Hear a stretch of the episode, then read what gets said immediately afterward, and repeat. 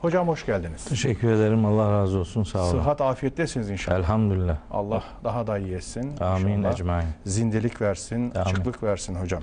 Sağ olun. Şimdi hocam yeni programdayız. Hayırlı olsun. Çok sağ olun. Bismillah dedik. Ben açılışı bile yaptım. Evet, Allah nasip güzel. etti.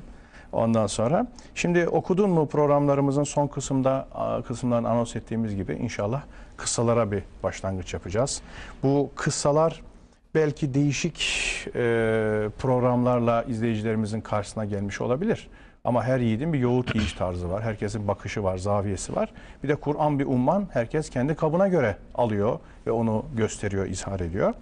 Şimdi e, üçte ikiye yakını e, kıssalardan oluşuyor diye hep söylüyoruz. Evet. Kur'an yarısından fazlası Evet. diyoruz. Şimdi insan bir yandan düşünüyor. Yani Rabbimiz niye bize bu kadar kısa efendim e, sunmak durumunda sunuyor ondan sonra e, her şeyi böyle spot halinde diğer ayetler gibi sunabilirdi ama bize mesel dilini kullanıyor, kıssa dilini kullanıyor, rivayet dilini kullanıyor, hikayet dilini kullanıyor. Ne dersek diyelim ki onların farklarını da siz söyleyeceksiniz büyük ihtimal. E, bir defa bunun bir hikmetini sorgulamamız lazım. Bu e, kıssaların e, usulü, bize söyledikleri, e, ne gibi metotlar önerdiği, içeriğinde zımnında neleri barındırdığı, e, bununla kıssalarla bizim ne tür bir diyalog, ilişki içinde olmamız gerektiğinin tarzı, yöntemi, bütün bunları inşallah beraber bu programda, ilk giriş programımızda sorgulayacağız. E, kıssalara genel bir giriş mahiyetinde, bir izleyicilerimizde genel vizyon, bakış açısı oluşturmak anlamında e, neler söyleriz? Nasıl bir girizgah yapmamız icap eder? Evet. Ben de programın hayırlara vesile olmasını Cenab-ı Hak'tan niyaz ediyorum. Ee, okudum mu programlarının sonlarına yakın ısrarla duyurmuştuk. Böyle Evet. bir program yapacağız diye. Allahu Teala lütfetti. Hamdolsun. Şükür olsun. Ee, bunu isteyen pek çok kardeşimiz de vardı. Evet. Onların da isteğine bir anlamda cevap vermeye gayret etmiş olacağız. Evet. Niye kıssalarla ilişkili program yapıyoruz ya da Kur'an'da niçin bu kadar fazla kıssa var? Hayatı dizayn etme iddiasıyla öyle bir prensipler bütünü halinde gönderilmiş bir kitabın yarıdan fazlası neden geçmiş milletlerin hayat kesitlerini bize sunar? Ee, bu soruyu iyi cevaplamak ve bu soruyu doğru anlamak durumundayız. Tabii. Çünkü bazı yaklaşımlar Kur'an-ı Kerim'in özellikle kıssalarla ilgili bölümlerinin tarihle ilişkili olduğunu ve aslında tarihin ilgili kesitlerini tanıtmak gibi bir amacının bulunduğunu, geçmişi tanımaya yönelik bir hizmet icra ettiğini, güne dair aslında bir söyleminin ve sunumunun bulunmadığını söyleyen yaklaşımlar var. Ee, Buna karşılık içinde acizane benim de bulunduğum pek çok insan ise kıssaların esasında bu son ümmet için bir yol haritası belirleme amacıyla geçmiş insan topluluklarının tecrübelerinin bu son ümmete aktarılması, iyiliklerinin örnek alınarak iyi akıbetlerle karşılaşılması, kötülüklerinden ders çıkartılarak ilgili kötü sonuçlarla buluşulmamasını temin eden belki Kur'an-ı Kerim'in en canlı hayatın tam merkezine merkezine en çok mesaj gönderen ve üzerinde en çok kafa yorulması gereken bölümlerinden biri olduğunu düşünüyorum. Onun için kıssaları mutlaka konuşalım. Kıssalarla ilgili bir gündemimiz olsun. Kıssaları konuşalım ya da kıssalar bize konuşsun. Evet. Yani bize bir şey diyor bunlar. Bize bir şey söylesin. Evet, o yani Kur'an'da niye çok kıssa var? İşte bu soruyu doğru cevaplarsak kıssalarla iletişimimizin de e, mantığını kavramış oluruz. Böylece yöntem, iyi de bir yöntem elde etmiş oluruz. Öteden beri okuduğum mu programlarında da sıklıkla söylüyorduk. Kur'an-ı Kerim'in güne mesajını, şahsın kendisine mesajını sorgulayarak okuma durumundayız. Yani bu ayet şimdi iniyor ve bana iniyor duygusuyla okursak bu kitaptan istifade ederiz. Yoksa falanca ayetler geçmiş milletlerle ilgilidir. Filanca ayetler asr-ı saadetle ya da Mekke müşrikleri veya Medine müminleriyle alakalıdır deyip de geride çok az kalan ayetler günü ilgilendiriyor mantığı Kur'an'la ilgili doğru bir mantık değildir. Biz her ayetin bir yönüyle herkesi ilgilendirdiğine inanıyoruz. Bu kitap Rabbimizin bize bir mektubudur. Bu mektubun her tarafı değişik metotları kullanarak hepimize sesleniyor. Evet. O sese kulak verelim istiyoruz. Yarıdan çoğu kıssalardan oluştuğuna göre bu kıssaları doğru anlayabilmek için bir, bir mantık oluşturalım, bir metot oluşturalım istiyoruz. Gayemiz, amacımız elbette budur. Bu arada Yusuf Bey çok enteresan. Kur'an-ı Kerim'deki kıssalar yani son ümmete yani Hazreti Peygamber'in yaşadığı miladi 600'lü yıllara yakın dönemden ibaret değil kıssalar. Evet. Hani o günün yaşadığı insanları sadece hitap etmiyor. evet onların bildiği, yakın geçmişten bildiği hayat kesitlerinden ibaret değil. Tabii. İlginçtir. Ta ilk insan neslinden itibaren başlıyor. Evet.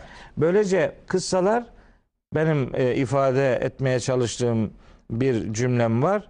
Kı- Kıssalar insanlık tarihinin bir özetidir. Eyvallah. Yani bu ümmete, bu son ümmete, bu devasa insanlık tarihi içerisinde lazım olan ne varsa onlara yol gösterici hangi mihenk taşları öne çıkartılması gerekiyorsa işte Cenab-ı Hak o kıssaları Kur'an'a koymuş ve onları bu ümmete ifade etmiştir. Böylece kıssalar insanlık tarihiyle buluşmamızın bir aracı olarak önümüzde duruyor. Biz kıssaları okumakla insanlık tarihini görmüş ve o tarihten süzülen tecrübelerin bizim hayatımızda ne anlam ifade ettiğini böylece anlamış olacağız.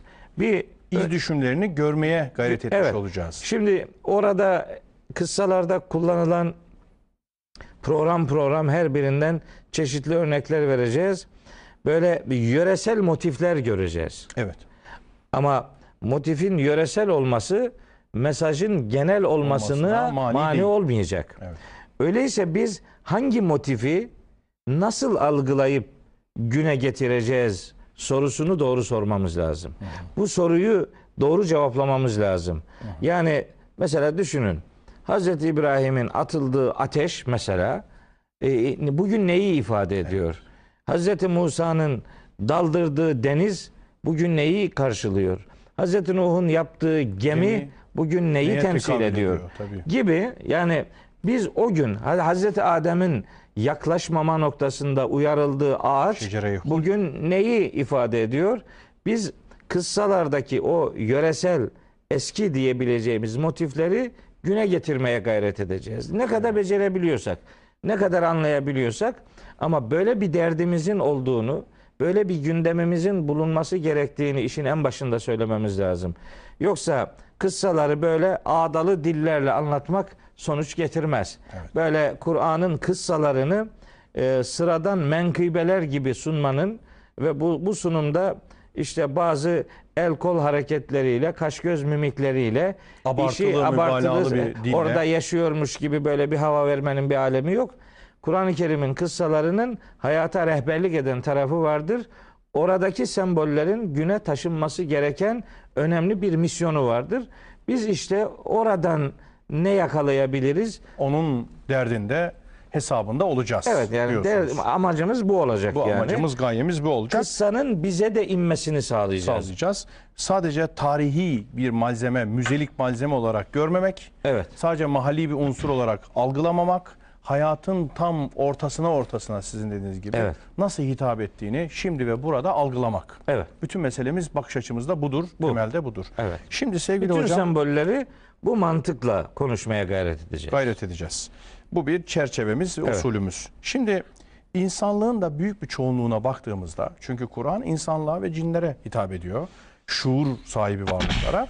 Fakat şuurların seviyelerinin farklı olduğunu görüyoruz. Yani insanlığın ve belki diğer işte varlıkların da şuur seviyelerinin hepsi soyutlama e, soyut düşünme, e, teorik düşünme aşamasında değil. Dolayısıyla insanlar daha canlandırılarak gözünde adeta kelimelerle e, resimler, fotoğraflar çizilir, dramatizasyon deniliyor. Evet. Bunu böyle algılamaya, somut algıya yatkınlar belki insanlığın yarıdan fazlası diyebiliriz. Tabii. Şimdi insanlığın yarıdan fazlası somut algılamaya yatkın olduğu için, Kur'an'da mübin ve beyan olduğu için ondan sonra e, e, bunu da insana hitaben ortaya koyduğu için kıssalarla adeta böyle bir e, nasıl söyleyeyim algı seviyesine, böyle bir idrak seviyesine, böyle bir şuur seviyesine hitap ediliyor diyebilir miyiz? Böyle bir hikmetinden de bahsedebilir miyiz? Tabii aynen diyebiliriz. Zaten Kur'an-ı Kerim'in e, bizim kıssa dediğimiz sunumlarının içerisinde değerlendirilen bir darbu meseleler diye bir, bir, Evet. bir şey var. Tabii. Darbu meselelerle kıssanın arasındaki farkı e, birazdan söyleyeceğiz. Tabii. Ama müşahhaslaştırma, somut hale getirme, böylece örnek vererek hı. bir meseleyi anlatma her insan topluluğunun her zaman yaptığı bir işti. Tabii. Kur'an-ı Kerim'de Cenab-ı Hakk'ın tercihiyle elbette insan psikolojisinin bu yönüne hitap ederek müşahhaslaştıran örnekler vererek bir Bir meselenin de akla ortaya... yakınlaştırarak. Evet. Hani temsil ile akla takrip dedikleri o yakınlaştırma usulü. Evet, aynen insanların bir şeyi görüyormuş gibi e, onun önüne bir tablo getirilir ve o tabloyu doğru okuması sağlanır. Tabi çok soyut dediğimiz e, kavramlar üzerinden de Kur'an'ın sunumları vardır. Var, tabii. Onlardan da hakikati elde edebilecek zihinler elbette vardır. Fakat yarıdan çoğu kıssalardan oluştuğuna göre Kur'an-ı Kerim'in belli ki insanlığın büyük çoğunluğu böyle bir sunumla hakikati kavrama noktasında kendini daha başarılı ortaya koyacaktır. İşte kıssaları dediğiniz o açıdan meseleleri muşahhaslaştırarak ortaya koyma, fotoğrafa bakarak fotoğrafı okuyabilme eee, tekniğini insanlara öğretmek istiyor. E, ve bu burada bir şey daha ille de hatırlatma ihtiyacındayım. Buyurun. Şimdi yine kardeşlerimiz bunu bizim ağzımızdan zaman zaman duydular ya da başkalarından da duymuşlardır. Kur'an-ı Kerim'in bir söyledikleri vardır. Bir de söylemek istedikleri vardır. Biz Kur'an-ı Kerim'i bu mantıkla okumak zorundayız. Acizane kanaatim bu. Yani söylediğine değil, Söylemek, söyle, söylemek istediğine dönük bir okuma yapmamız lazım. Şimdi söylediğine bakılırsa o zaman işte tarihsel bir okuma kaçınılmaz olur. Evet. Yani tarihi tanıtır size, güne de fazla bir şey söylememiş olur. Oysa söylemek istediği nedir? Niçin bu örnek veriliyor? Bu örneğin filanca sembolleri niçin tercih edilmiş? O tercihler bugün neyi karşılıyor? Öyleyse biz kıssanın söylediklerinden hareketle söylemek, Söylemek istediklerine, istediklerine. ulaşacağız. Harika. Söyledik, söylediklerini önemsememek gibi bir ayıp yapmayacağız. Evet. Zaten oradan hareketle, söylediklerinden hareketle söylemek istediklerini yakalamaya gayret edeceğiz. O itibarla iyi bir okuma biçimi geliştirmenin böylece mümkün olduğunu düşünüyorum ve yavaş yavaş kıssaları o anlamda hayata taşımanın Evet. eee, örneğini vereceğiz. Zaten kanaati acizanem Kur'an'ı okumak içinde kıssalar da olsa, başka meseleler de olsa Kur'an'ı okumak, Kur'an'ı hayata okumaktır. Tabii. Kur'an'ı okumak, Kur'an'ı hayata taşımaktır. Tabii. Bu örnekler, bu darbe meseleler, bu kıssalar Kur'an-ı Kerim'in yarıdan çoğunu oluşturuyorsa belli ki amaç bu kıssa, kıssalardaki asıl derdi, asıl temayı, asıl ana fikri her neyse onu hayata taşımamızı sağlamak içindir. Bütün kıssaların hayatın her anına ve her alanına yönelik bir mesajı bulunduğu fikriyle hareket edeceğiz. Kıssayı tanımak Ben için. de münasebetsizlik edip bir kelime oyunu yapmak istiyorum. Kur'an'ı hayata okumak, Kur'an'ı hayatla okumak, hayatlandırarak okumak. Yani Evet. onun hepsini sizin söylediğiniz zaten Evet. e, kapsıyor. Söylemek istediklerinizi okumaya çalışıyorum. Evet, o yüzden güzel. efendim Gayet bir o güzel. kelime oyunu Kur'an hayat kitabıdır. Hayat kitabı, Öyleyse onu hayatla buluşturmak Tabii. diye bir Tabii. derdimiz olması lazım. Aynen. Kıssalarda bunun önemli Bunun bir önemli. parçası. Hocam neden bu kadar tekrar ediliyor? Bir de tekrar meselesi var. Evet. Dönüp dönüp tekrar ediyor. Evet. Musa kıssasını birçok yerde okuyoruz. İbrahim kıssasını birçok yerde atıflar var. Durubu emsal, o e, darbu meseleler Evet. hakeza. Bunun hikmeti sebebi ne olabilir acaba? Şimdi sadece kıssaların değil, Kur'an Kur'an'daki diğer konuların da e, tekrar edildiğini Tabii. görüyoruz. Fakat çok isabetli bir soru sordunuz. Belki de bunları konuşurken oraya sırayı hiç getiremeyecektik. Gayet yerinde bir tespit. Ee, Kur'an-ı Kerim'de Yusuf Bey bütünüyle ve bütün mantığıyla tekrar yoktur aslında. Evet. Yani Aynen fotokopi tekrar yoktur. Aynen fotokopi tekrar yoktur. Yani bazı ayetler vardır. İşte tekrar edilir. Şimdi kardeşlerimiz bizi yanlış anlamasın. Mesela Rahman suresinde fe bi eyyi ala rabbikuma tükezziban var. Mesela Mürselat suresinde veylün yevmeizin lil mükezzibin ifadeleri var. Mesela Kur'an'da 5-6 defa ve yekulune meta hadel va'du in kuntum sadikin ayetleri var. Mesela pek çok yerde inne fî zâlike le ayeten ve mâ kâne ekseruhum müminin ifadeleri var. Bunlar hem mesela pek çok yerde akimus salate ve atuz zekate ifadeleri var. Şimdi tekrar yoktur derken o hangi ayetse o ayetin siyakına ve sibakına baktığınız zaman yani arkasına ve önüne bağlamına baktığınız zaman bağlamın içerisinde ona yeni bir yer belirlendiğini görürsünüz. Aynen öyle. Yani sadece tekrar olsun diye değil. Elbette bazı hakikatlerin insan zihninde daha iyi yerleşmesi için onların sıklıkla Tekrarında. söylenmesi de bir eğitim metodudur. Hiç şüphesiz. Aynen. Ama tekrar bazı suistimallerin beraberinde gelmesine de sebep oluyor. Kur'an-ı Kerim için söylüyorum bunu. Nedir? İşte dönüp dönüp aynı şeyi söylüyor.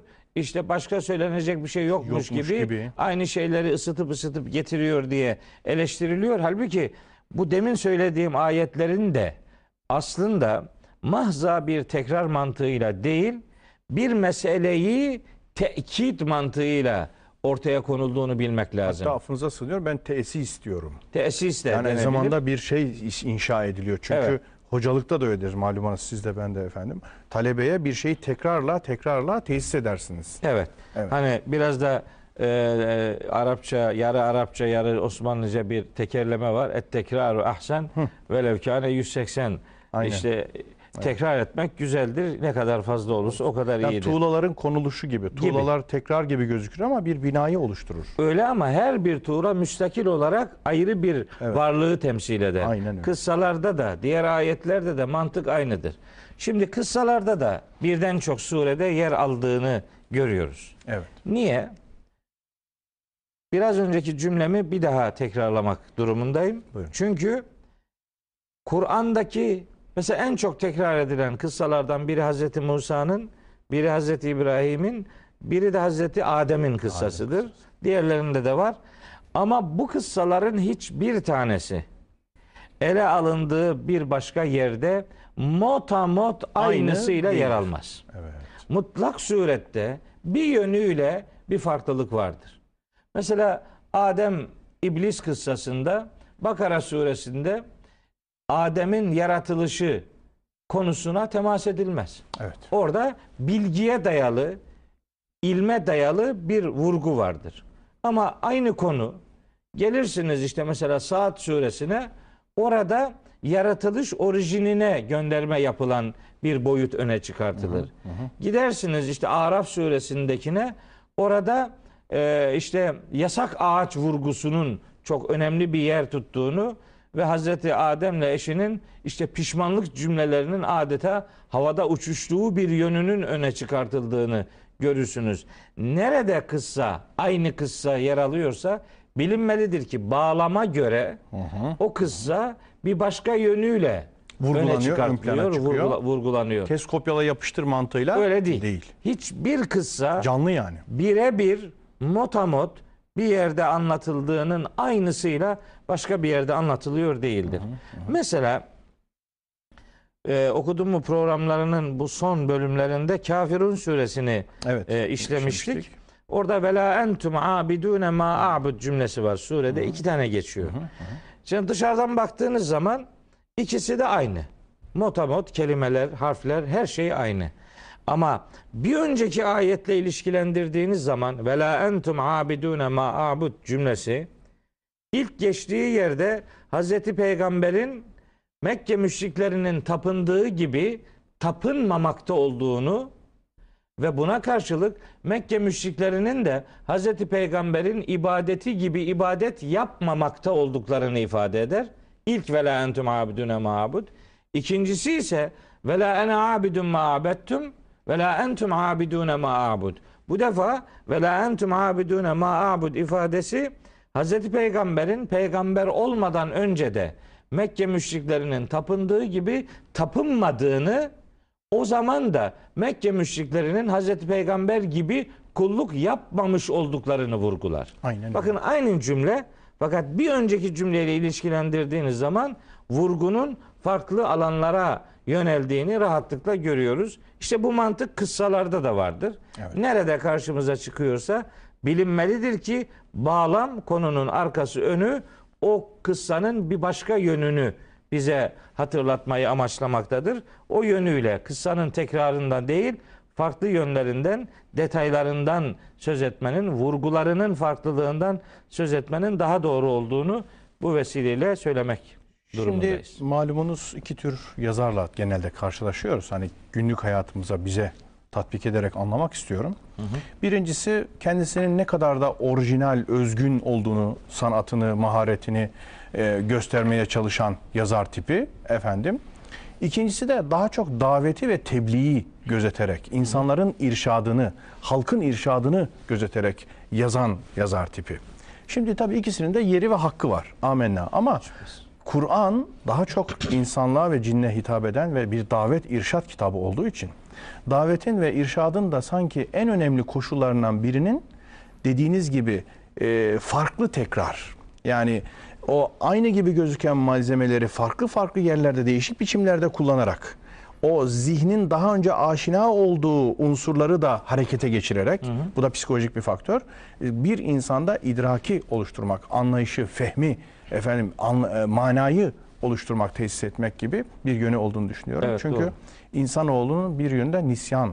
Yani unutana da tekrar gerekir. Ondan sonra algısı düşük. Hani dedik ya canlandırmaya muhtaç. E, bu yüzden gene tekrar gerekiyor. Halka da öyle mesela bir vaiz çıktığı zaman kürsüye üst düzey ağdalı felsefi bir efendim dil kullanmaz. Kullanırsa da itibar görmez. Doğru. Ne yapar? O tekrar ile bazı şeyleri döne döne özetleyerek tekrar efendim e, fezleke vererek orada bir irşat oluşturmaya çalışır. Derslerde de onu yapıyoruz. Derslerde de hep bunu yapıyoruz değil mi? Bunun Evet. gibi düşünmek lazım Başlarken diye diyoruz işte bugünkü dersin konusu şudur.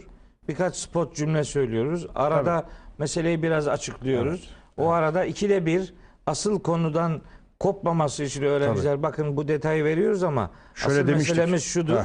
Orayla bağı budur diye. Bir de dersin sonuna geliyoruz. Tabii. Hadi bakalım bunun hasılası ne olacak? Tabii. Şimdi yeniden özetliyoruz diye. Tabii. Aslında hep aynı Evet. mesele üzerinde duruyoruz ama her vurgumuzda bir başka yönünü öne çıkartıyoruz. Diğer birikimleri de meselenin içine katarak daha zengin bir sunum muhataplara Yani aktarmaya çalışıyoruz. Allah'a allamul guyub diyorsak, efendim hakim diyorsak, hikmet sahibi diyorsak, ilim ve hikmet de böyle bir şey, irşatta böyle bir şey gerektiriyormuş gibi Doğru. şahsen bana geliyor. Doğru. Ee, şimdi sevgili hocam, Kur'an'da tekrarın da aslında hikmetini anlatmış olduğunuz, sebebini anlatmış olduğunuz, nasıl anlaşılması gerektiğini. Bir de bu kıssaların kelime anlamı üzerine biraz analiz yapalım arzu Evet. ediyorum. Herhalde ondan sonra bir mola vereceğiz.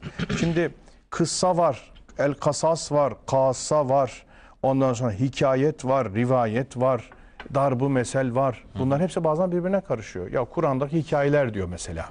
Bir kitap okudum efendim bende e, Darül Kitap diye bir set var. Bayağı da içinde kitap var. Bir baktım Kur'an'dan hikayeler diyor filan. Şimdi hikaye başka, mesel başka, ma- masal başka, darbe me- mesel başka, e, ondan sonra kıssa başka, kassa başka. Bunu nasıl analiz edeceğiz? Kıssayı nasıl anlayacağız kelime boyutunda? Şimdi hemen e, oraya geleyim Yusuf Bey.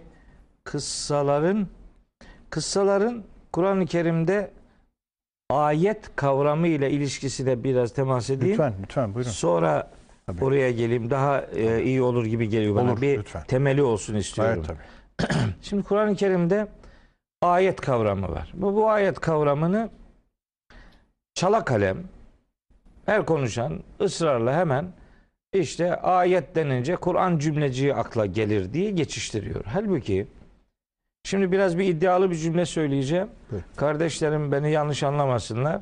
Kur'an-ı Kerim'de ayet kelimesi tekil olarak ayet formunda, ayat formunda çoğul olarak değil Tabii. tekil olarak ayet müfret kalıpta geldiğinde birkaç tanesi hariç hatta onlarda da kanaatim aslında farklıdır ama hadi bir opsiyonumuz olsun. Birkaç tanesi hariç tamamına yakını Kur'an cümleciği manasında hiç kullanılmaz. Şimdi ayet denince hep Kur'an cümleciği gibi Cümleci. algılanıyor. Öyle değil bu. Kur'an'dan bir cümle. Evet öyle algılanıyor. Şimdi ayet terim olarak milletin zihninde öyle yerleştiği için e, bence Kur'an mealini okuyanlar da bu defa önceden bildikleriyle karşılaştıkları mealler arasında gelgitler yaşıyorlar. Sormaktan, sorgulamaktan korkuyorlar. İyisi mi Kur'an meal okumaktan anlaşılmaz deyip kapatıyorlar. Kapatıyorlar. Bence kavramı doğru tanırsak, mantığını doğru bilirsek meal okumaktan da, tefsir okumaktan da korkmanın bir aleminin olmadığını göreceğiz. Şimdi ayet kavramı kıssayla yakın ilişkilidir. Onun için önce ona bir gönderme yapmak istiyorum. Programımızın adı da ders, ibret aldın, Aldın mı? mı? olduğuna göre şimdi mesela şu Ara suresinde Yusuf Bey şu Ara suresinde peygamber çeşitli peygamber kıssaları var. O peygamber kıssalarının her biri anlatıldıktan sonra şu cümle yer alır. İnne fî zâlike le ayeten. Bu anlatılanda bir ayet, Ayet mutlaka vardır. Mesela ilki şu Ara suresinin 103. ayetinde Hz. İbrahim kıssasının peşinden geliyor. İnne fî zâlike le ayeten. Bunda bir ayet vardır. Ve mâ kâne müminin. Ama insanların çoğu buna iman etmiyorlar. Mesela Hazreti Nuh'un kıssasının sonunda surenin 121. ayetinde aynı ifade var. Kıssanın sonunda. Mesela e, daha sonraki kıssadan işte 158. ayette kıssa bitiyor Hazreti Salih kıssası. İnne fî zâlike le aye. O yer alıyor. Onun bir öncesinde inne fî zâlike le aye 139. ayette e, gene bir başka peygamberin Hazreti Hud'un kıssası yer alıyor. Ondan sonra Hazreti Lut'un kıssası yer alıyor. Ondan sonra Eyke ahalisinin kıssası yer alıyor. Onların hepsinin sonunda inne fî zâlike ayeten diye bir ifade var. Şimdi biz ayet kavramını doğru anlamak durumundayız. Biz biliyoruz ki Kur'an-ı Kerim'den bu kelimenin Kur'an'da kullanıldığı tekil örneklerin büyük çoğunluğu ibret ve ders almak manasına gelir. Çok güzel. Bir ders, bir ibret manasını veriyor. Kıssa demek ibret demektir. Kıssa demek ders demektir. Ve Kur'an bunu bir ayetinde ibret kelimesiyle karşılıyor olsa da genellikle bunu ayet kelimesiyle karşılıyor. Bu ayet kelimesi bazı yerlerde lef, inne fî zâlike le ayatin şeklinde çoğul da Çoğul gelebiliyor. gelebiliyor. O çoğul geldiği yerlerin bir bölümünde kıssalar vardır ama onların epey bir kısmında ise bu defa kainat kitabından ibretler Tabii. konu edinilmektedir. Tabii. İnsanlık tarihi Kur'an'ın sunduğu bir kitaptır, bir ibret kitabıdır.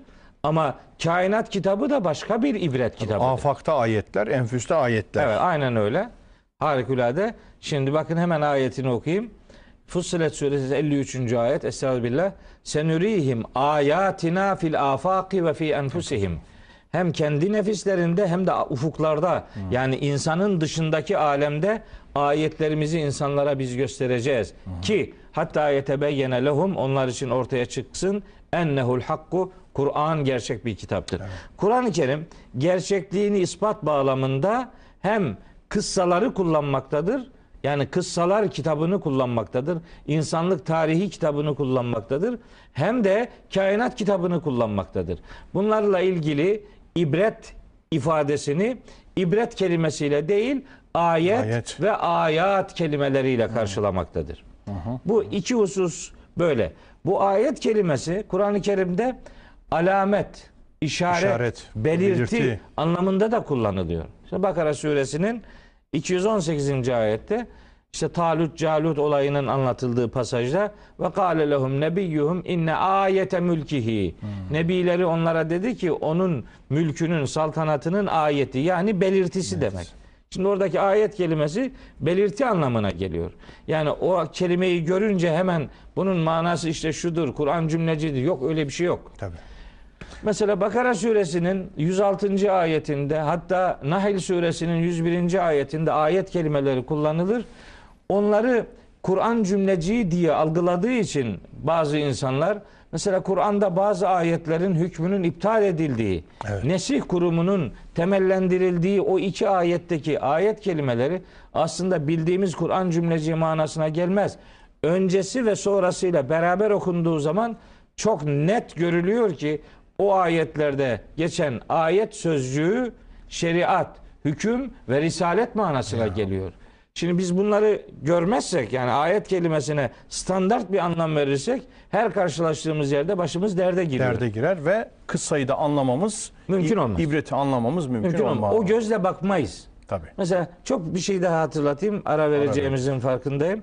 Mesela ayet kelimesinin Kur'an'da kullanıldığı çok ilginç anlam farklılığı taşıyan örneklerden biri bu kelimenin olağanüstü şey. Mucize. Mucize kelimesi Kur'an'da geçmez. Evet. Böyle sıra dışı şey manasına gelen kullanımları vardır. Mesela e, Enbiya suresi 91. ayette mesela Müminun suresinin 50. ayetinde Hazreti Meryem için ve Hazreti İsa için bu kelimeyi kullanıyor. Kullanıyor evet. Buyuruyor ki ve cealnebne Meryem'e ve ümmehu ayeten. Meryem'in oğlunu ve oğlun annesini yani İsa Aleyhisselam'ı Ve- ve, Hazreti Meryem'i biz ayet yaptık. Başka bir ayette diyor ki ve cealnaha ve ibneha ayeten lil alemin. Onu da a- efendim oğlunu da alemler için bir ibret yaptık, bir ders yaptık. Üzerinde çalışılacak, kafa yorulacak bir sembol yaptık manasına gelen ayet kelimesinin böyle anlam Farklı farklılıkları var. var. Evet. Bu anlam Biz neye indirgemişiz? Bir cümlecik. Kur'an cümleciği Şimdi olmadı. buradan yanlış bir anlama tekrar kapı aralamayalım. Opsiyonu bırakmıştınız. Kur'an'da ayat olarak çoğul kullanımlarda bu kelime Kur'an cümlecikleri manasında da kullanılıyor. Ama çoğul olarak. Mesela Elif la mim tilke ayatül kitab. Tilke ayatullahi netluha aleyke bil hak gibi Kur'an cümlecikleri manasına da geliyor. Var ama ondan ibaret değil. Değil ama mesela kainat kitabından kul- kullanımlarda bu e, ibret manasına gelir dedim. Kur'an'da ne kadar ve min ayatihi diye ayet varsa bilinmelidir ki oradaki ayetler Allah'ın kudretinin azametine yönelik bir işarettir, bir derstir, bir ibrettir, bir farkındalık oluşturmaya gayret eden sembolik ifadelerdir. Yani ve min ayatihi ve min ayatihi inne fî zâlike le Yani ayatin. kelam sıfatından çok kudrete bakıyor. Kud- evet. Kudreti ifade ediyor diyebiliriz. Kelam sıfatından Hılkati. ziyade evet kudrete bakıyor diyebiliriz. İyi bir yaklaşım oldu. Gayet güzel. İşte tekrarın tekrar denen şey böyle bir şey işte Evet, yani. evet. Otomat Hem de bir aktarım yani değil. zamanda. Evet, harika. Tam tam güzel. Şimdi tabii kıssayı konuşup da kıssa kelimesinden söz etmemek olmaz. Kıssa kelimesi kıssa makas kelimesi de o oradan geliyor yani. Makas, kesmek. Evet yani kısaltarak anlatmak yani. Yani hepsini anlatmamak yani. Lazım olan kısmını sunmak anlamında bir aktarma biçimidir. Bir olayı aktarmak biçimidir. Ancak kıssa e, yaşanmış bir hayat kesitinin ibret içerikli bölümünü aktarmaya deniyor. İbret içerikli bölümünü. Evet. Yani hepsini değil. Geri kalan fuzuliyat kısmını değil. Yok. İbret yani içeren içinde kısmını. ibret varsa orayı Kur'an sunuyor. Orayı kesiyorsunuz. Evet, orayı kesip sunuyoruz. Gerçekten bunun tam da ayetten karşılığı vardır bu dediğimin. Tam böyle. Yani kıssaların ne kadarı anlatılıyor sorusunu cevaplayacağımızda o ayetleri okuyacağım. Ama kelime olarak kıssa yani makaslayarak anlatmak, içinde hisse bulunan hayat kesitleri manasına geliyor. Bir de çok ilginç bir kelime var kıssa ile alakalı. O da Kasas suresinin 11. ayetinde geçiyor. Ben bizim pro- bu programımızın bu ayetteki kullanımdan hiç kopmadan yürümesini istiyorum. Lütfen. Çünkü o ayette buyuruyor ki Rabbimiz Hz. Musa'nın annesiyle Hz. Musa'yı hani işte nehre bırakıyor. Ondan sonra bir anne yüreği çocuğunun peşinden akıyor. O arada kızına diyor ki ve Takip. kalet heh, li uhtihi kız kız kardeşine Musa'nın kız kardeşine annesi diyor ki kussihi Kussihi. Evet. Kussihi kıssa kelimesi aynı kökten geliyor. Onu takip et. Kussihi demek demek ki kıssa aslında bir şeyi takip etmek demek. İz sürmek. İz sürmek, peşinden gitmek. E Yani önüne birini almak, bir şeyi almak ve onunla birlikte onun arkasından yürümek anlamına gelen bir anlam boyutu var bu kelimenin. Evet. Öyle olunca bizim kıssalarla irtibatımızın mantığı ortaya çıkacak. Tabii. Yani biz kıssayı onun izinden yürümek için okuyacağız. Çok güzel. Onun izini takip etmek için onu anlamaya gayret edeceğiz. Sadece bilgilenmek değil, yaşamak için onu hayatımıza getireceğiz. İz yani. sürücü olmak için. Aynen öyle. Ben bu bu konuyu konuştuğum hemen her yerde Kur'an'ı okumanın da aslında böyle bir tarafının olduğunu düşünüyorum. Şimdi okudum mu programlarında sıklıkla anlattığımı biliyorum, hatırlıyorum. Kur'an okumak denince akla bir tilavet geliyor, bir kıraat geliyor, bir de tertil Tertil. geliyordu. Bu kavramları detaylı bir şekilde verdiğimiz için şimdi detaya girmiyorum ama tilavet kelimesinin üç tane anlamı vardı. Bunlardan biri tekrarlamak, aktarmak.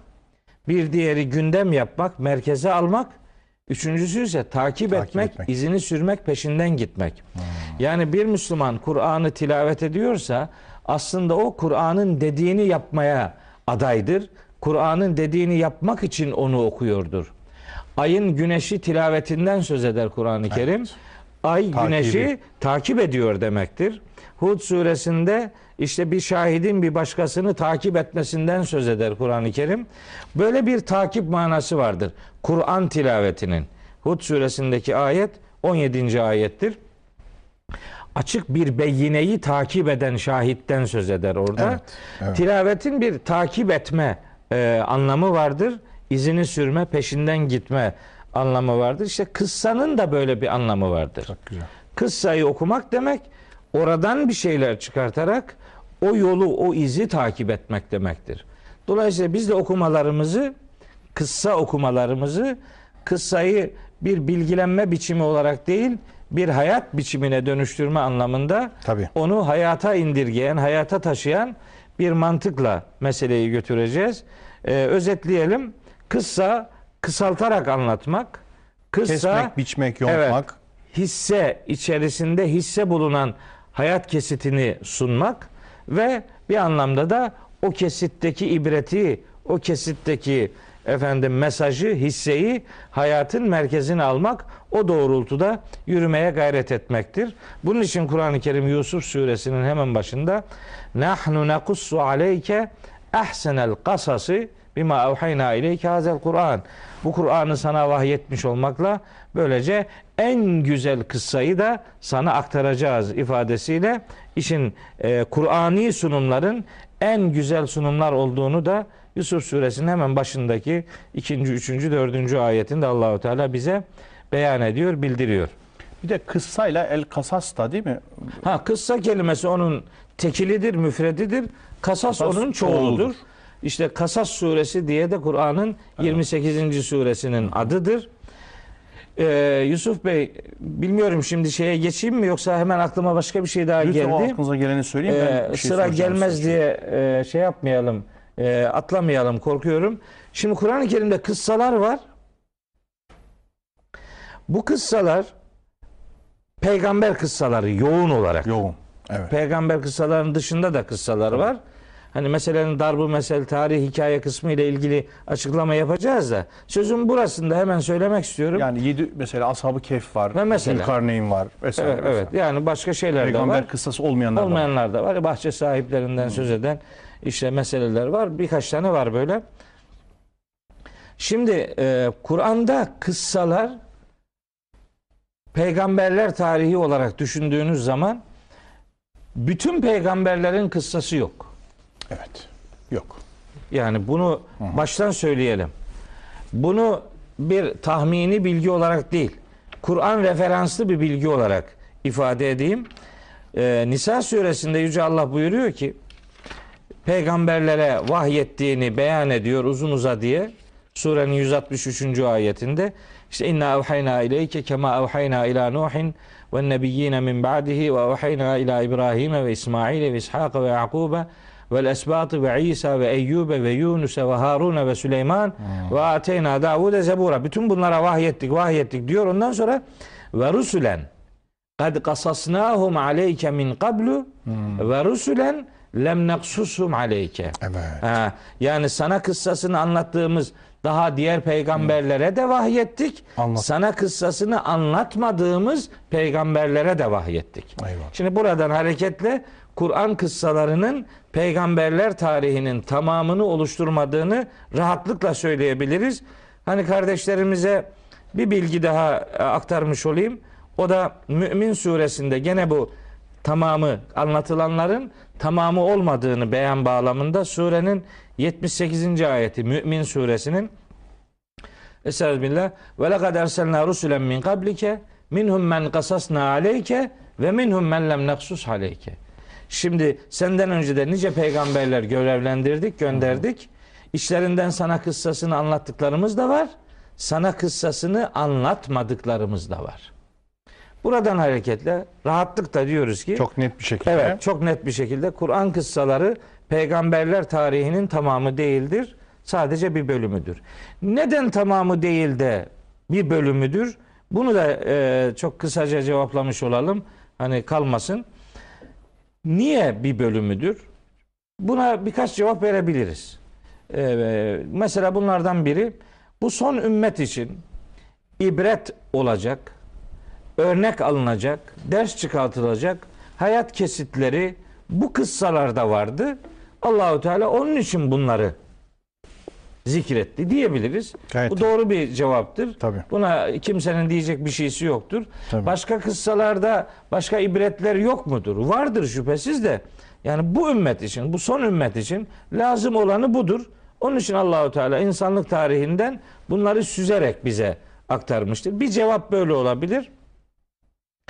Bir cevap daha Kur'an-ı Kerim'inde bu e, kıssalar Kur'an'ın indirildiği coğrafya itibariyle düşünüldüğünde bu Mekke, Medine, Ara- Yar- Arap Yarımadası. Bugün Orta Doğu dediğimiz Orta Doğu'nun bölge. bir bölümü orada yaşamış peygamberlerin kıssaları seçilmiş. Öyle görünüyor. Tabii bu da işte mesela bir soru konusu. Evet. Konuşacağız. Evet. Niye bunları anlatıyor? Bunun cevabı da o gün Mekke toplumu veya Medine'de yaşayanlar bu peygamberlerin kıssalarını öyle ya da böyle biliyorlardı. Tabii. Hiçbir peygamber kıssası anlatılırken hiçbir müşrik ya da hiçbir münafık ya da hiçbir ehli kitap veya bir mümin hiç kimse kalkıp da yani bu yeni vahiyde yeni bir peygamberin adı söyleniyor. Böyle bir peygamber duydunuz mu diye bir İtiraz karşı çıkış olmadı. olmadı. Niçin? Çünkü o yöre biliyordu bunu. Bu peygamberlerin isimlerini biliyorlardı. Eksik fazla neyse kıssalarından, hayatlarından kesitler biliyorlardı. Bilmedikleri bir peygamberin kıssası anlatılsaydı, mesela denseydi ki sayalım ki uzak doğuda diyelim ki Konfüçyüs, diyelim ki peygamberdir. Evet. Diyelim ki. Mesela. işte. Mesela yok budayı demek istemiyorum. O çok Kelime speküle ediliyor, speküle sıkıntılı ediliyor. bir şey. Ve herhangi biri veya X. mayalardan biri. Evet, Laoçe mayolardan biri, biri. bilmem ne falan. Evet, Azteklerden birinin adı söylen. O toplumun bilmediği bir isim söylenseydi bu korkunç bir spe- spekülasyon konusu olacaktı. Çok büyük bir yalanlama nedeni olacaktı. Diyeceklerdi ki bak işte şöyle bir peygamberden söz ediyor. Duydunuz mu böyle bir peygamber yok. Yok. Bir yalan konuşuyor işte. Diye bir yalanlama nedeni olacaktı. Bunun e, şeyi kesildi. Önü Önü, kesildi. kesildi. Onların bildiği peygamberlerin kıssaları anlatıldı. Böylece böylece bir taraftan ehli kitaba bir barış eli uzatıldı. Çünkü onların elindeki vahiy malzemelerinde de bunlar vardı. E, şu veya bu şekilde. Onlarla da bir aynı kaynaktan gelmişlik üzerinde durulmuş oldu. Mekke müşriklerinin de olası bir karşı çıkışının önü kesilmiş oldu. Bu itibarla sadece peygamberler Orta Doğu'ya mı gönderildi gibi böyle Evet. ajitasyon içerikli bir soru soruluyor. Hayır hiç de öyle bir şey yok. Başka taraflara da peygamberler gönderildi. Çünkü Kur'an-ı Kerim ele aldığı kıssa kıssasını bize aktardığı peygamberlerin bütün peygamberler olmadığını söylüyor. Tabii. Kıssası anlatılmayanlar da, da vardır bulunuyor diyor. demesiyle başka taraflara da elbet peygamberler gönderilmiştir ama onların ismi bilinmediği için ya da kıssalarının içerikleri isim değişikliği arz ediyor olsa da muhteva olarak, ders olarak, mesaj olarak hemen hemen aynı değerde bir sunum ortaya koyacağı için onlara ayrıca bir göndermede bulunulmamıştır. Buna da ihtiyaç yoktur. Mesaj yeteriyle, bütünüyle bu kitapta yer almıştır. Başka bir detaya, başka bir sunuma ihtiyaç hissedilmemiştir. Bu açılımı böyle e, sırası geldi yapmış olayım Biraz istedim. sizi ben dinlendirmek istiyorum. O yüzden birkaç kelam e, bazı şeylere vurgulayacağım. Öncelikle siz de tabii vurguladınız. Ben de sadece hatırlatayım istiyorum. Ee, yontmak, biçmek, kesmek, göğüs bir şeyin baş tarafı kelime anlamı kıssanın. Bir şeyin önemli kısmı siz söylediniz, ibretlik kısmı dediniz. Mahsulat bu bana çok güzel geldi. Evet hisse yani. Evet hisse mahsulat. Bir şeye harfiyen uymak, tabi olmak diye zaten söylemiş Evet. oldunuz. Bir daha ben özetlemiş oldum. Ondan sonra e, ardından e, hikaye ve rivayetle onları belki ko- Söyleyeceğim. konuşacağız zaten. Evet, evet. Darb-ı mesel meselesinde Evet. konuşacağız. Evet. E, şimdi bu Orta Doğu e, özellikle işte Arap Yarımadası örneğinin seçilmiş olması, oradaki peygamberlerin hayatlarına vurgu yapılması, bütün örneklerin oradan seçilmiş olması. E, şimdi insanlığın fıtratı temel esasları aynı olduğu için aslında örneklem grubu dediğimiz bir grup seçiliyor, bir örnek grup seçiliyor. Ve bu örnek grup üzerinden bütün insanlığın da davası, sorunları, problemleri, psikolojisi, sualleri, itirazları neredeyse aynı. insanlığın mayası aynı. Dolayısıyla o örnek grup üzerinden genele ders veriliyor diye düşünüyorum. Ben yine Ya o örneğin içinde Hepsi var sadece örneğin Tabii. e, kullandığı malzemelerden ibaret değil. Değil. Yani pek çokları orada sembolleştiriliyor. tabii Bir örnek sunuluyor ama içinde yüzlerce motif var yani her Tabii. taraftan bir Yani motif. herkesin efendim zihnine hitap uzak doğusunun da e, kutuplardakinin de hisse alabileceği insan olmak bakımından e, örnekler seçildiğini ve e, biraz meselenin daraltıldığını görüyoruz. Yani Evet. e, çünkü o daraltma olmazsa bu sefer zihin dağılır. Dağınıklığa yol açar. Kitapta ciltlere var. Ciltlere varır. Muhtasar müfit olmaktan çıkar eski Evet. tabirle. Dolayısıyla yine ben irşadın gereği olarak bunu hani Allah'ın da bir tür tırnak içinde bize ilim talim ettiğini de düşünerek, hikmet talim ettiğini düşünerek efendim söylüyorum. Dolayısıyla Hazreti İbrahim'i okuyan kutuplardaki bir insan e, varlığa bakarak Rabbini aramayı oradan görebilir. Kendisi de aynı durumda kendisini görebilir. Efendim e, işte o kuş meselelerini falan konuşmuştuk. Hepsinde kendisini görebilir. Şimdi bu yönüyle ele almak lazım. İkincisi insanların hafızasında hiç olmayan şeylere referanslarda bulunarak bir şeyi anlatmak aslında anlatıma yanlıştır, e, terstir. Yani hafızasında, zihninde hiç malum değil, hiçbir karşılığı yok. Karşı taraf sizin anlatacaklarınız noktasında sıfır. E, siz buna o zaman bir şey anlatamazsınız, bir şey tebliğ edemezsiniz. Bir noktayı ittihat bulamazsınız. Evet, eskiden. ortak- bir ortak ortak nokta, nokta. müşterek nokta bulamazsınız. Bulamadığınız için de oradan yürüyemezsiniz.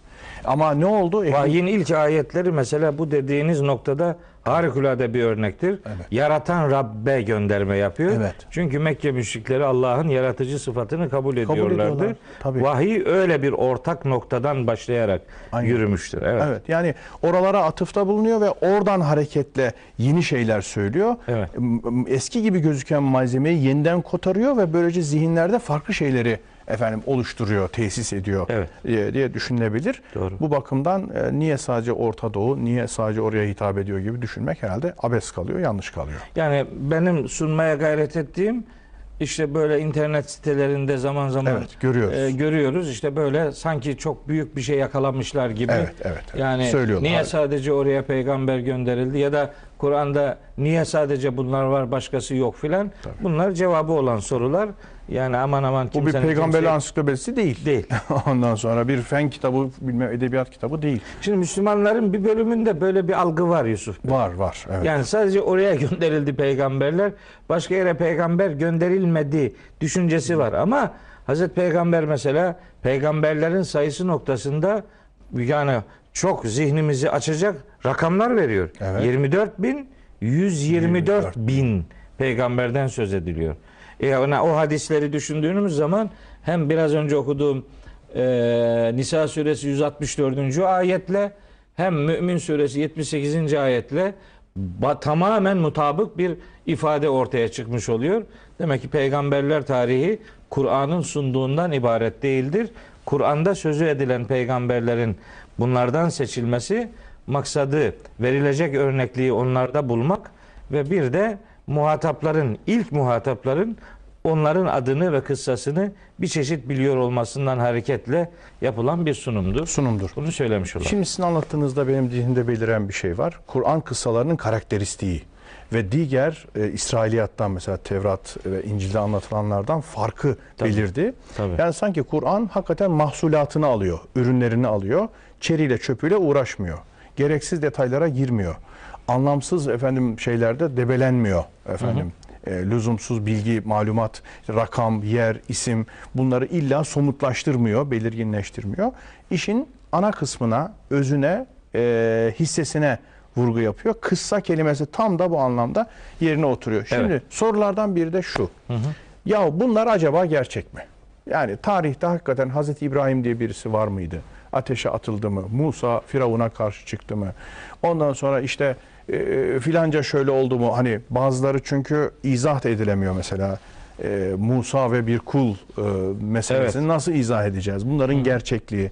Bunlar acaba Rabbimizin biraz da böyle e, itibari olarak yani ne deriz ona? Kurgusal Ondan sonra bize ibret için sunduğu şeyler miydi yoksa bir vakaya mutlaka dayanıyor muydu? Reel gerçekliği filan neyse Evet. var mıydı yok muydu bunlar tartışılıyor.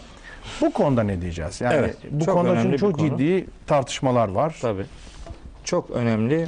e, mutlaka üzerinde durulması gereken kıssanın konuşulduğu yerde bu konu gündeme gelmelidir. Evet. Ve bu konuda yani benim kanaatim şudur deyip de geçiştirilecek bir konu olmadığını düşünüyorum. Eyvallah. Şimdi birkaç ayet okuyacağım. Lütfen. Bu ayetler varken daha başkasına ne hacet diyebileceğimiz netlikte ayetler. Bunlardan biri hani dediniz ya Kur'an kıssalarının karakteristiğinde Tevrat'tan çok farklılık vardır. Gerçekten Kur'an-ı Kerim'in kıssalarında öyle Tevrat'taki gibi böyle yani faydasız diyebileceğimiz ayrıntılar, ayrıntı böyle bir şeyler yok.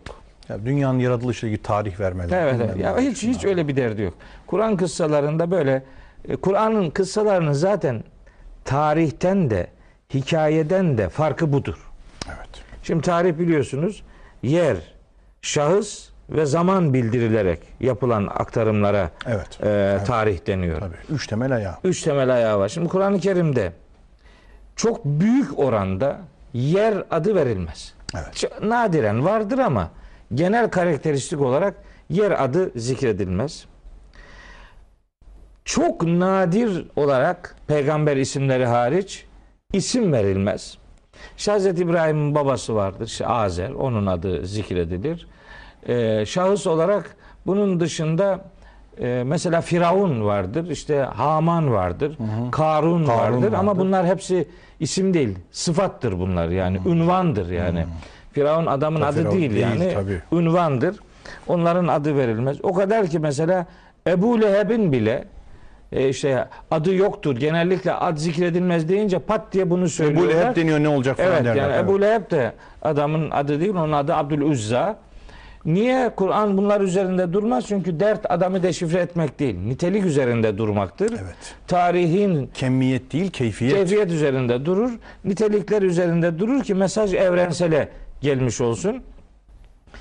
Ama Kur'an'da yer verilmez. Ee, şahıs adı da genellikle verilmez ama Kur'an'da genellikle verilmez diyorum. Çünkü verilenleri var. Eyvallah. Hiç verilmeyen bir tane var. O da zaman. Kur'an'da tarih diyebileceğimiz bir ismi kıssalara vermemizin en önemli engeli tarih verilmemesidir. Eyvallah. Çok önemli. Yani tarih olmayınca Kur'an kıssalarının tarihten ayrı bir yapısı olduğunu ortaya koymak durumundayız. Kur'an kıssaları tarihi bilgi vermez ama tarihe ışık tutar. Biz bunun sunumlarından hareketle tarihi verileri daha iyi anlarız. Daha iyi yerli yerine koyarak e, onlar hakkında malumat sahibi olabiliriz. Tarihten farkı budur. Kıssaların bir de hikayeden farkı vardır. Şimdi böyle yani Türkçe'de basılmış bazı kitaplarda görüyorum işte Kur'an'dan hikayeler diye. Hayır Kur'an'dan hikayeler olmaz yani. Hikaye olmuş ya da olması muhtemel olaylar için kullanılıyor. Oysa Kur'an'ın ifadesine göre onun anlattığı kıssalar olması muhtemel şeyler değil. Olmuş şeylerdir. Kur'an'da bu tür sunumlarda olması muhtemel şeyler yok mu? Var. Ama onların adına darb-ı mesel deniyor. Şimdi çok önemli. Bu ayrımı yapalım. Evet. Olmuş mutlaka gerçekliği olanlar kıssa. Evet. Tarihte olmuş, yaşanmış. Evet. Ama olması ihtimali olan olmayan, tartışmalı olanlar darbu mesel. Evet. Bu ayıracağız. İşte onun için Darb-ı ille de olması gerekmiş. Darb-ı mesel o demek zaten. Örnek vermek. Örnek. Ve lehum meselen. Onlara örnek ver. Duribe meselün. Onlara örnek ver. Daraballahu meselen. Allah onlara örnek verdi. İnnallaha la yestahi en yadribe meselen mesela. Darb-ı meseller. Bunlar yani Türkçe'de kullandığımız manayla da mütenasip olarak olması gerekmiyor yani. Bu bir örnek. Ee, Kur'an'ın kıssa Kur'an kıssalarının darbu meselden ayrı oluşunu hatırladık. Hikayeden farklı oluşuna vurgu yaptık. Niçin? İşte ayetler var dedim. O ayetlere sözü getirmek için. Şimdi bakın Yusuf Bey. Hud suresinin 120. ayeti mutlak surette bilinmelidir bu noktada. Yani bu bilinmedi mi olmaz. Hud suresinin ilk grup ayetlerini bir tarafa bırakacak olursak 25. ayetinden itibaren ta yaklaşık e, 90 küsür 100. ayete kadar hep kıssalardan çeşitli peygamberlerin kıssaları var. Hazreti e, Hud şey Nuh'tan başlıyor. Nuh'tan Hazreti başlıyor. İbrahim var, Hazreti Lut var, Hazreti Salih var, Hazreti Şuayb var, Hazreti Musa var, var da var. Evet. Şimdi onların kıssaları anlatılıyor, anlatılıyor. Sonuna geliyor. Diyor ki 120. ayet Estağfirullah. Ve küllen nekussu aleyke. İşte biz bütün bunları sana kıssa ediyoruz, anlatıyoruz, aktarıyoruz. Neden oluşuyor bütün bunlar? Min enba'ir rusuli. Peygamberlerin haberlerinden oluşuyor. Şimdi bu min enbaideki o min edatı Arapçada iki mana verir. Bu manalardan biri beyaniyedir, açıklamadır. Herhangi bir tahsisat yoktur. Neyse hepsini kastediyor manası verir. Buna mini beyaniye derler. Bir böyle bir anlamı vardır. Ama bunun daha yaygın olan anlamı mini teb'idiye dediğimiz Teb'idiye. baziyet manasıdır. Bir kısmı. Buradan hareketle şuraya geliriz. Haberlerinden Heh, gibi Peygamberlerin haberlerinden bir, Bir kısmını. kısmı. Bu manayı verecek bir ayet daha söyleyelim. Belki söz bir daha buraya evrilmez. En'am suresinde buyuruyor ki Yüce Allah Gene kıssalardan söz ediyor 34. ayette. Ve lekad caeke min nebe'il murselin. Peygamberlerin haberlerinden bir kısmını, bir kısmı sana gelmiştir. Sana gelmiş. Lekad caeke. Lekad caeke sana mutlak surette. Hatta başında bir de vav var. Ve lekad olunca yemin ifadesi kast, kastı tekit gelir. de devreye giriyor. Tekit Evet. var, yemin de var. Yani muhakkaklık var, tekit var, yemin, Yemin de var. var. Üç Oo, tane var. oo, üç. Kat muhakkaklıktır. Le tekittir. Tekittir. Vav, vav, vallahi demek. Yemindir. Yemin. Hepsi var. Sana mutlaka peygamberlerin haberlerinden bir bölümü mutlaka ulaşmıştır diyor. Hangisi? Bir bölümü. Peki hangi bölümü? Onun cevabını Hud suresi 120. ayet veriyor. Hangi bölümü? Ma nusebbitu bihi fuadeke. Senin kalbini, yüreğini motive edecek, dayanıklı hale getirecek, donanımlı hale getirecek, müsebbet kılacak, Sabitleştirecek. sabitleştirilmiş bir hal sana kazandıracak kısmını anlatıyoruz. Aa, Biraz önce anlattıklarımızın ayetten referansı oldu bu. çok güzel. Yani Hepsi Hazreti değil. Peygamber'in kalbini tespit, sabitleştirme, kavileştirme, Evet. güçlendirme bir tür teselli anlamı var. e, takviye anlamı var. Pe Hazreti Peygamber'in nezdinde ümmetinin De- fuadını, kalbinin derinliğini Tabii. e, sağlamlaştırma çabası var. Aynen öyle. Aslında. Yani peygamberimize yönelik bu gerekçe Bize. bütünüyle ümmete yöneliktir de aynı zamanda. Demek kıssalara böyle de bakacağız. Böyle de bakacağız. Yani Yusuf kıssasında kalbimizi serinletecek, sabitleştirecek mesela çok hal var. Var. Diyelim Musa'da ayrı, İbrahim'de ayrı. Hepsinde var Allah'ın izniyle. O yani burayı bir önceki bölümle ilişkilendirerek sunmuş olayım. Asıl sorunuzun cevabı ile ilgili cümle şimdi geliyor. Ve caeke sana geldi. Fi hadihi bu konuda. Hangi konuda? Kıssalar konusunda yani. Konu kıssalar. Kıssalar konusunda sana gelmiştir. Ne gelmiş? El hakku. Gerçeğin ta kendisi. Şimdi bu ayet varken Kur'an kıssalarının olmuşluğu olmamışlığı Gerçekliği, olsa da olmasa da filan. Yani sıkıntılı bir şey yani. O zaman bu el hakku neyin nesi yani? Sana bu konuda yani kıssalar konusunda sana gelen şey gerçeğin ta kendisidir. Haktır diyor Haktır. net. Ger- evet. Yani En'am 34'te de velakad caeke yemin ifadesi ve bütün vurgulu, tekit, manayı kuvvetlendirici edatlar yer alarak sana peygamberlerin haberlerinden bir bölümü mutlaka ulaşmıştır. Gelen haber, nebe kelimesi böyle hikaye için kullanılmaz. Burada da öyle diyor. Enba'ir rusul. Peygamberlerin haberlerinden, yaşanmışlıklarından bir bölümü sana geliyor ve sana ulaşan da bu konuda gerçeğin ta kendisidir. Vaktin bittiğini anlıyorum ama söylenecek çok söz var Yusuf Bey. Bir sonraki yani başka programa- ayetler var. Onlara mutlaka gönderme yapmamız Tamam. lazım. Bir sonraki programımızın ilk kısmını biraz daha devam edebiliriz. Buradan hocam. başlayabiliriz. Buradan Tamam. ondan sonra Hazreti Adem Tamam. kıssası yaratılışla İlk insanla ilgili Evet, yaratılış ilk şeyi inşta başlıyor. devam edeceğiz inşallah.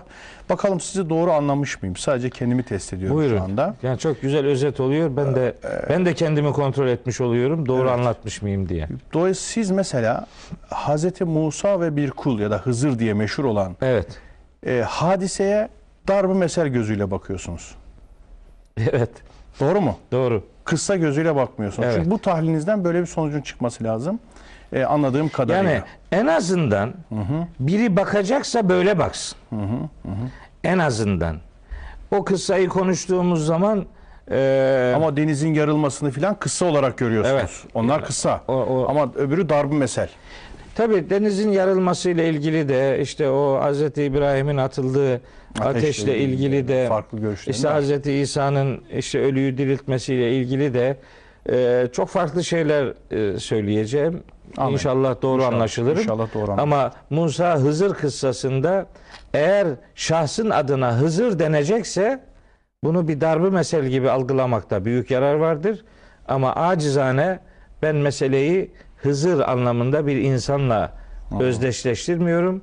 Oradaki abden min ibadina, İbadina. e, o ifadesinin melekler için kullanıldığını ve Hz. Musa'nın bir meleğin talimiyle yüzleştirildiğini ayette kastın o büyük kıssada kastın böyle bir melek peygamber öğretisi işleyişine çok önemli bir örnek olduğunu Bir tür düşünüyorum. melek talimi Evet, melek gibi. yani meleğin bir peygamberi bilgilendirmesi.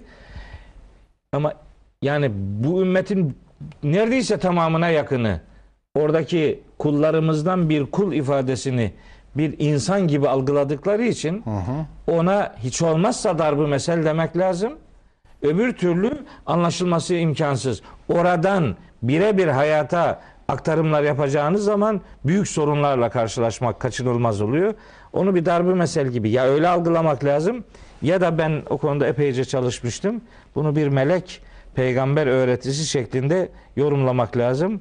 İşin gerçekliğine e, ulaşma noktasında böyle seçeneklerimiz var. Evet. Bir acziyet içerisine düşmeyelim. Alemi şehadetteki e, sebeplerle kayıtlı bir varlığın alemi şehadet dışındaki sebeplerle de çok mukayyet olmayan bir varlık tarafından e, talime tabi tutulması Evet, öyle. gibi anlaşılıyor. Öyle. İki alemin de böylece Evet. irtibatı e, gündeme geliyor. Hocam çok teşekkür ediyorum. Ben teşekkür ederim. Yoğun bir giriş oldu, güzel Evet. oldu. İnşallah ikinci kısımda biraz daha bu meseleye devam İnşallah. ettireceğiz. Or- ardından da yaratılış kıssasına bir Tamam. başlangıç yapmayı ümit ediyoruz. İnşallah. Teşekkür ederim.